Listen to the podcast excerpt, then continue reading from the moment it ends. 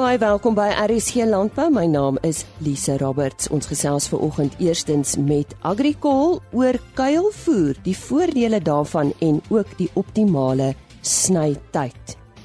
Dan uh, praat Henny Maas met Hinterland oor die term deregulasie as dit kom by die brandstofprys. En jy sal dalk in die media gesien het dat die film Stroop heelwat toekenninge ontvang het en baie goed ontvang is oor see. Ons gesels met Bonnie de Bot. Ons gesels ver oggend met Agricol oor kuilvoer en ons gesels met hulle bemarkingsbestuurder Daniel Fourie. Daniel, uh, goeiemôre. Wat is die voordele van kuilvoer vir 'n boer? Sy môre lieve.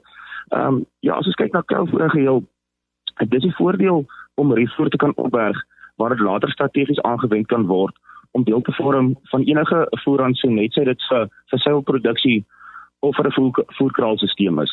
Ehm um, medical voer spesifiek is 'n baie goeie energiebron en met goeie boerderypraktyke waar goeie opbrengs realiseer.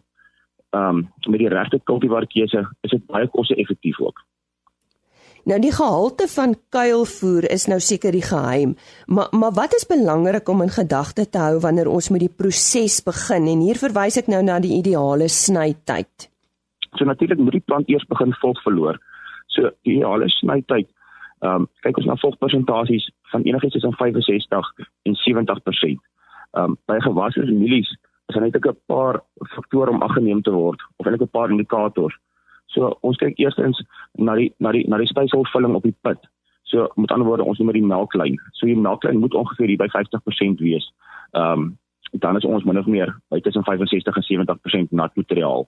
Ehm um, ons kan kyk na die onderste blare van die plant moet begin verwelk en ongeveer 90% van die putte het al begin duik. Dan weet jy die plant is reg om ingekuil te word.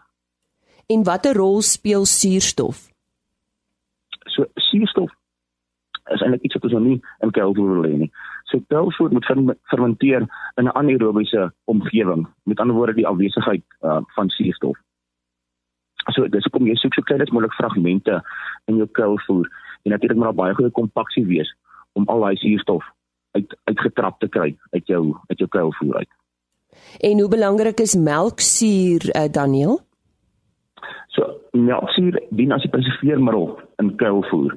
So tydens die inkuiling word suikers na melksuur omgeskakel. Ehm um, natuurlik dan hoe hoor die melksuur persentasie hoe hoog die kwaliteit kuilvoer is. So in melksuur is natuurlik verantwoordelik dat jou pH daal in jou kuilvoer. So ons soek ongeveer 'n pH hier tussen 3.7 en 4.7. Ja, en as en, en as ons nou na pH kyk, as dit te hoog is, wat wat gebeur dan? Nee, so gou as jy pH hoor, as jy pH na 5 na 5 toe gaan, dan dan begin bottersuur vorm en wat natuurlik jou smaaklikheid vinnig begin benadeel en in plaas van fermentasie kry jy dan verrotting en uh, met ander woorde jy maak dan 'n baie swak gehalte um kuilvoer. Om jy af te sluit uh, Daniel, kom ons kyk bietjie na die gewas of kultivar keuses. Uh, Watter rol speel dit? Natuurlik, vir albei mielies is dit geweldig belangrik. So as ons kyk na kultivar keuse, moet ons natuurlik eerstens na 'n mieliebaster kyk wat wat baie goed aangepas is vir die omgewing waar hy sou aangeplant word. En natuurlik kyk ons na 'n mieliebaster wat natuurlik die hoogste graanopbrengspotensiaal gaan gee. Want graan, die graankomponent in kuilvoer of 'n mieliekuilvoer is natuurlik die beperkende faktor op jou kuilvoerkwaliteit natuurlik jou jou, jou styselwaarde beïnvloed. Ons kyk dan eers na na 'n mieliebaster wat natuurlik 'n baie hoë graankomponent het, so met ander woorde die baster wat vir die hoogste graanopbrengspotensiaal op jou op jou plaas sal gee. Ehm um, wat dit natuurlik die beperkende faktor in kuilvoer is. So in tesamelik met dit soek ons dan ook vegetatief weligheid in die plant. So dis 'n dis eintlik die goue middeweg om te kyk na iets wat jou 'n goeie graanopbrengspotensiaal gee en natuurlik wat jou goeie biomassa ook kan gee.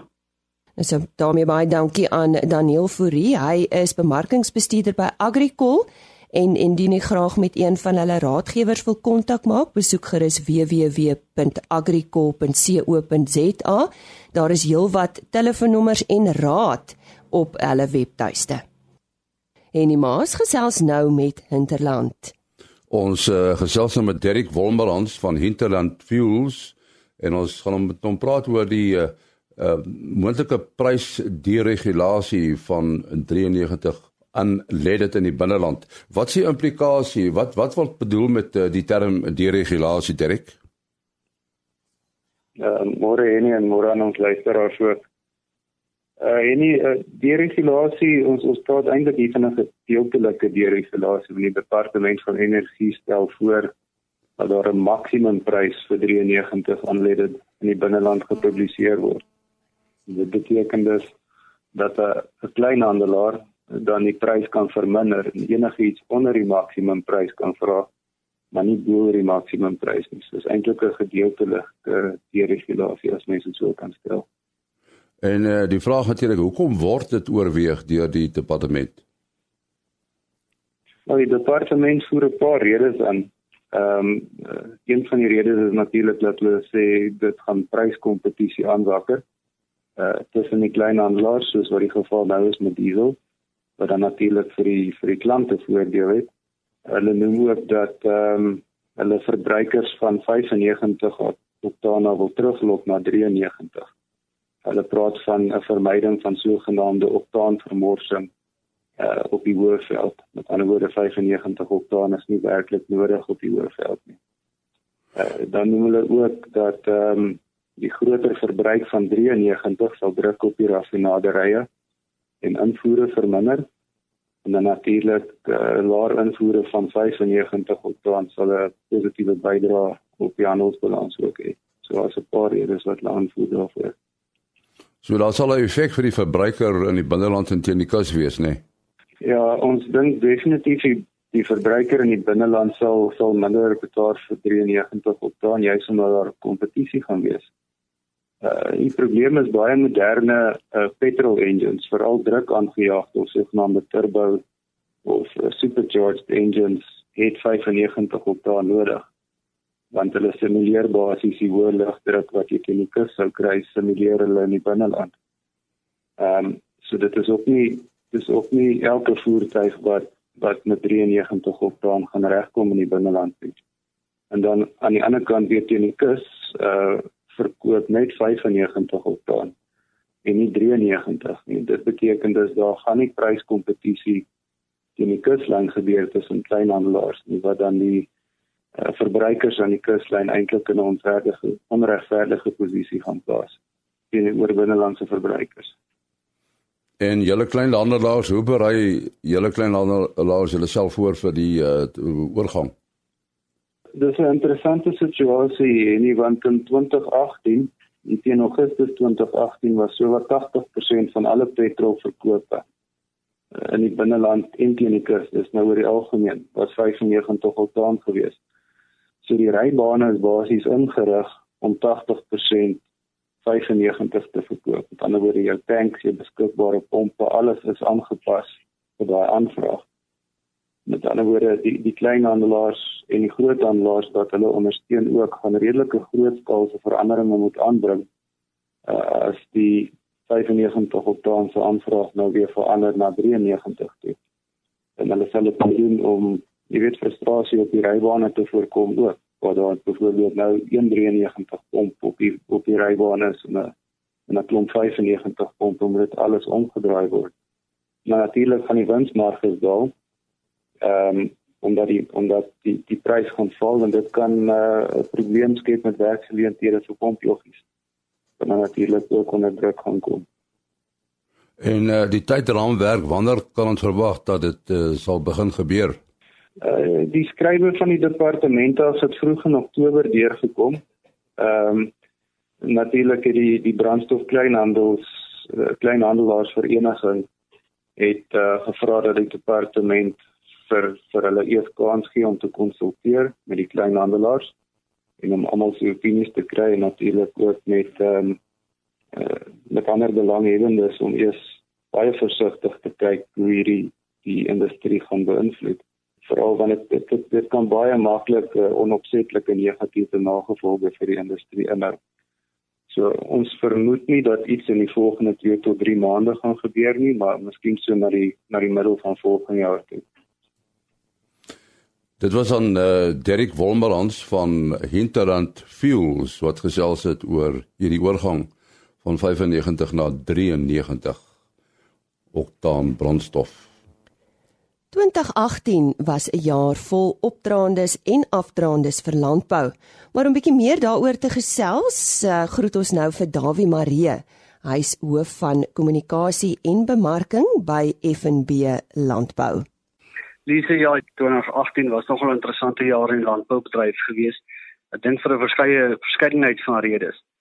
Uh eerstens het ons die die Oos-Kaap en die Wes-Kaap droogtes gehad, ehm um, wat tog nie regtig heeltemal gebreek is nie, maar ek dink die verligting is daarom is daarom aansienlik beter as wat ons verlede jaar hierdie tyd in was. Uh, so ek dink in daai provinsies kan ek ook optel dat die gemoed onder die boere is aansienlik beter um, as as 'n paar maande gelede. Ek dink wat uitgestaan het vir my hierdie jaar ehm um, was ek dink eerstens die die hele impak van die listeriose uitbraak uh, op ons varkbedryf. 'n uh, geweldige negatiewe impak gehad. Maar weer eens wys dit net hoe uh, weerstandig landbou is. Um, die Engels sê die mooi woord van resilience en en en daardie bedryf het omgedraai en is regtig weer besig om te herstel. So ek dink daarom elke keer was daar 'n tikkie goeie nuus by die slegte nuus gewees. Dan wat ek dink 'n uh, 'n uh, uh, 'n baie uitstaande punt van hierdie jaar was is die geweldige brandstofprysstygings wat ons gehad het. 'n Paar maande, 5 maande aan een um as gevolg van die die die verswakking in die wisselkoers en natuurlik ook die internasionale oliepryse uh, wat ook opwaartse druk ervaar. Nou moet ek daarom gelukkig sê hier aan die begin van Desember lyk dit of daar 'n bietjie goeie nuus is. Um as ek na die middel van die maand syfers kyk vir November dan lyk dit of ons definitief in Desember 'n verlaging in die brandstofprys gaan kry. Wat natuurlik baie goeie nuus is op hierdie stadium. Nou nie net vir die verbruiker nie, maar ek dink ook vir elke produsent wat besig is uh nou met planttyd. Wat van die politieke front, uh Dawie? Ja, 2018 het ons natuurlik in die begin van die jaar uh die hele politieke skommelinge gehad, ons 'n nuwe president gehad gekry, maar ek dink wat wat natuurlik uitstaan vir landbou is die die mosie wat in die parlement gehandhaaf is van onteiening van 'n vergoeding uh in die hele proses wat daar rondom gevolg het. Dit het natuurlik landbou uh in onsekerheid gedompel, investering is is beïnvloed daardeur. Uh maar ek dink op die ou ende lyk dit of die proses besig is om te ontwikkel uh en ek dink daarom ons gaan die die sterk negatiewe en en die eerste eerste scenario kry wat ons gedink het ons gaan hê nie. Dit sal baie interessant wees hoe dit volgende jaar gaan ontvou, maar ek dink hierdie politieke faktore gaan nog nog vir 'n tydjie lank sy rol speel in ons bedryf. Mm. Maar daar is streke wat dit nog baie erg droog is. Ek sien Agri SA het gesê dat uh, daar nog dringende droogtehulp nodig is. Ja, jou jou reaksie daarop. Lise nee definitief, daar is daar is baie streke wat nog droog is. Groot dele van die Oos-Kaap is is nog is nog onder druk. Uh dele van die Vrystaat wat nou begin moet begin plant, uh het nog nie genoeg reën gehad nie. Grondvog is nog nie optimaal om te begin plant nie. En natuurlik groot dele van Limpopo is ook nog uh in in in met uh, in droogte toestande. Um as ek kyk en ek is nie 'n weervoorspeller nie, maar as ek luister na wat die kenners sê, dan lyk dit of dit in die volgende paar weke daar 'n bietjie meer positief gaan draai. Uh en ek hoop van harte en ek hou al my duie vas dat dit wel die geval sal wees. Mm, mm. Uh, laat ons laat ons 'n uh, baie beter produksie seisoen sal hê as ons verlede jaar gehad het. En dan wil ek afsluit deur met jou te praat oor uh, oor die pond en die rand. Dis nou 'n interessante, jy weet ons meet onsself altyd teen die dollar en uh, nou het die uh, rand redelik herstel teen die pond. Wat se effek het dit op ons landbou? Definitief, uh, ons ons meet maar altyd die dollar omdat my die, die internasionale uh, maatstaf is. Maar die pond is eintlik vir ons baie belangriker uh, omrede ons groot hoeveelhede van ons vrugte word uitgevoer na die Verenigde Koninkryk uh in Brittanje wat natuurlik in in in pond uh handel dryf. Uh so vir ons boere is daardie 'n baie belangrike uh so koers waar waarmee rekening gehou word. Nou die die die stewige versterking of die die groter versterking teenoor die pond uh dink ek is enerzijds natuurlik 'n bietjie risiko in die in die Verenigde Koninkryk Brexit wat nog uh nog nie heeltemal uh, uh in die bed is nie, maar daar 'n bietjie klomp onsekerheid Uh, maar op die stadium is die koers daarom nog in so mate dat boere uh weet dit dit dit eintlik vir hulle gunstig om nog steeds uh, na na Brittanje uit te voer. Die stem daarvan Dawie Marie, hy is hoof van kommunikasie en bemarking by FNB Landbou. Nou vir ons uh, nuutste wolpryse sluit ons aan by Jolandi Rood. Die wolmark het die week gestyg en die Cape Wool Merino aanwyser styg met 1,9% en 398 punte om te sluit teen 'n waarde van R210.12 per kilogram verskoon wol. Die Australiese EMI styg met 3,3% die week.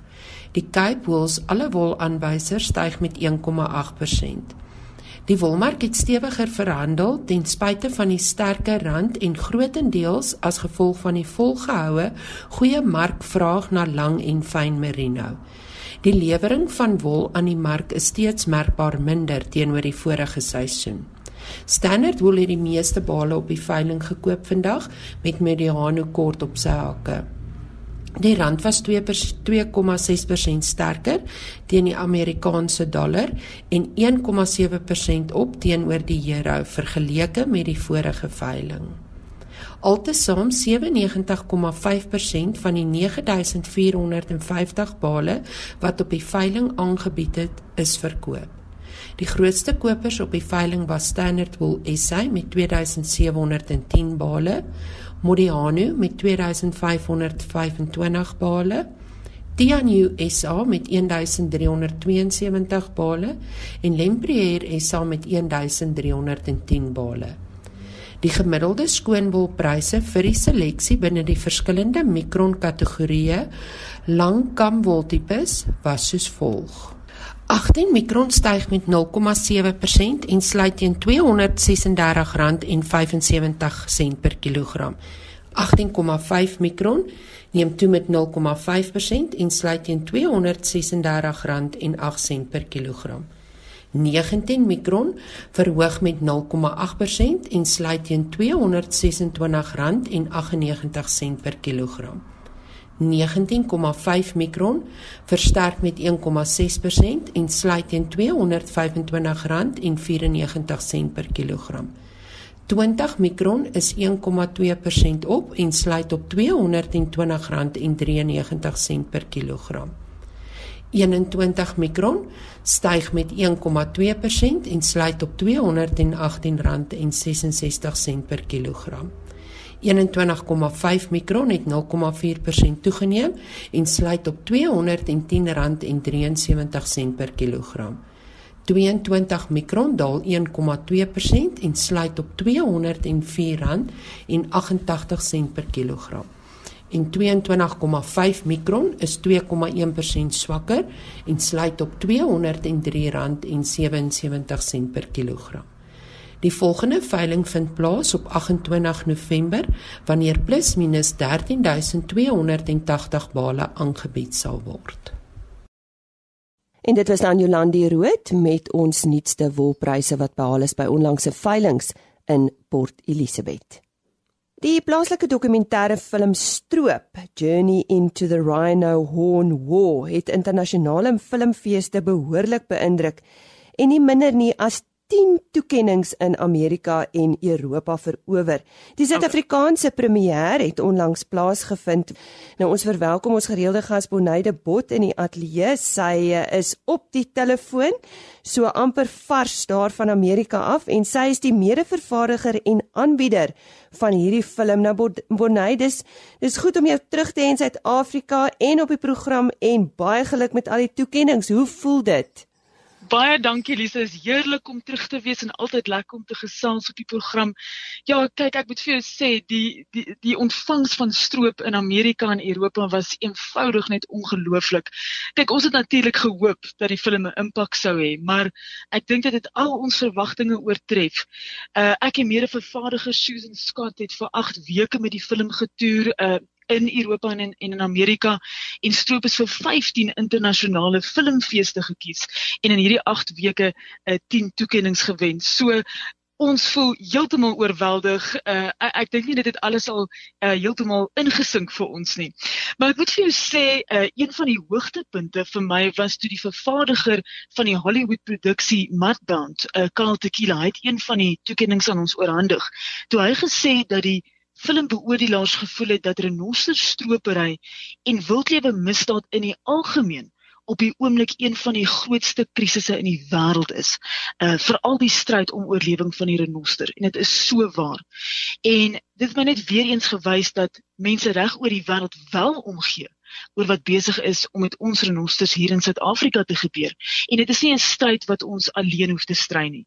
Uh ek dink die een ding wat ek geleer het is dat renosters nie paspoorte besit nie. Jy weet hulle behoort aan almal van ons. So dit was regtig wonderlik. Nou dis 'n storie oor renosters en inderwaarheid 'n eg Suid-Afrikaanse krisis. Nou hoekom dink jy het dit internasionaal so goed gevaar? Want stroop wys die ware renoster storie sonder sensuur. En hiermee bedoel ek die hartroerende onderhoude wat ons gevoer het met uh die karakters in die film wat in die voorste linies vir ons renosters veg, die veldwagters by hulle uitkykpunte, die aanklaers in die hof uh en natuurlik ook die smokkelaars uh in Vietnam en China en die kykers voel of hulle self daar is. Nou baie interessant Lise, uh, daar is soveel mense wat in die 4 jaar wat ons nou stroop vervaardig het en aan mekaar gesit het, vir ons gesê het maar jy moet 'n bekende Amerikaanse akteur in die film gebruik of uh, gebruik Amerikaanse akteur se stem om die storie te vertel. Dit is amper vir my asof daar hierdie opvatting onder Suid-Afrikaners bestaan dat ons nie op die internasionale verhoog kan presteer nie tensy ons dit baie vir Amerikaans en presies die teenoorgestelde het gebeur. Daar was hierdie oorweldigende reaksie rondom die film juis omdat dit 'n unieke Suid-Afrikaanse storie is wat deur Suid-Afrikaanse filmmakers vertel word. En dit maak my baie trots. Nou die groot vraag is Bonnie op die einde van die dag. Die sukses wat julle nou by oorsee gehad het by die filmfeeste. Gee dit hoop vir hierdie renoster krisis? Spreek dit nou hmm. werklik dit aan? Mm. Weet jy absoluut, uh, Lisa, so baie mense het na ons toe gekom na die vertonings en hulle het gesê hulle weet renosters word gestroop vir hulle horings, maar hulle het nie die omslag van die krisis besef nie. Uh hulle het nie daar is heelwat dekking hieroor in die media, maar hulle het nie geweet van uh die ongelooflike vraag byvoorbeeld, ehm um, wat daar is vir 'n renosterhoring nie. En hulle was baie geskok ook oor die wreedheid wat daarbey betrokke is hoe die renosters gestroop word. So hulle was baie emosioneel daaroor. En ek dink die Amerikaners en die Europeërs het werklik die boodskap verstaan van die film, uh soveel so dat hulle vir ons begin sê het maar moenie praat oor Suid-Afrika se renosters nie want hulle behoort aan ons almal. So dit is dus nie 'n Suid-Afrikaanse krisis nie, dit is 'n wêreldkrisis. En dit was vir my wonderlik om te hoor.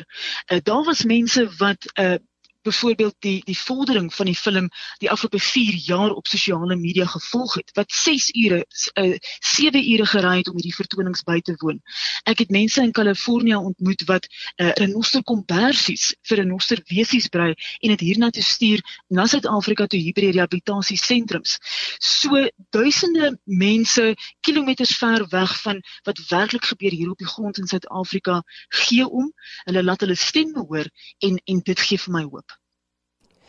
Nou dit lyk of sterk openbare menings wat wêreldwyd gelig is beslis 'n invloed op die Chinese regering gehad. Het brys 'n bietjie uit daaroor? Hmm. Kyk, ek was uh, geensins, dit was my geensins 'n verrassing nie, want uh, tradisionele Chinese medisyne word onder die soeklik soeklig geplaas uh, instroop. En ons het onderhoude gevoer met verskeie uh, tradisionele dokters in Vietnam, in China en hulle glo in die helende mag van renosterhoring. So 2 weke gelede het die, die Chinese regering nou gesê hulle gaan hierdie verbod ophef wat sedert 1993 in plek is. Uh en dit is nou wat hulle aangekondig het en as jy gaan kyk na die taalgebruik uh, van die amptelike verklaring, dan word dit baie duidelik gestel dat die regering self uh glo in die medisinale waarde van renosterhoring. En dit is 'n eenvoudige stelling wat natuurlik onsaglik gewig dra. So natuurlik het dit gelei tot grootskaalse ewige protes uh, wêreldwyd deur omgewingsgroepe, uh, uh, joernaliste en omgewingsorganisasies. En nou het die Chinese regering weer in 'n ommeswaai aangekondig, hulle gaan hierdie opheffing van die verbod uitstel. So uh Lise, ja, daar word beslis gemengde boodskappe uitgestuur en dit gaan 'n interessante storie wees om dop te hou. Miskien oor 'n week of twee kom hulle weer en sê hulle gaan we wel weer die verbod ophef, maar ons gaan hom dop hou en volgende keer dan praat ons meer daaroor. Nou ja, soos ek en Bonnie Bot vroeër gesels het, die premier van die fliek is reeds vertoon in Suid-Afrika en so ook die eerste vertoning aan die algemene publiek was op die 25ste November in Pretoria, maar daar is nog een vertoning oor en dit is by die Waterfront in Kaapstad op die 2de Desember. Besoek gerus www.webticket.co.za indien u graag kaartjies wil bekom. Dit is dan die 2de Desember by die Waterfront in Kaapstad en die webtuiste is www.webticket.co.za, maar daar's ook al die inligting op die op die stroop Facebook bladsy. En dit is dan al vir vandag. Dankie dat u saam met ons gekuier het. Goeiedag vir u verder. Tot môre dan. Totsiens. RSG Landbou is 'n produksie van Plaas Media. Produksieregisseur Henny Maas. Aanbieding Lisa Roberts. En inhoudskoördineerder Jolandi Root.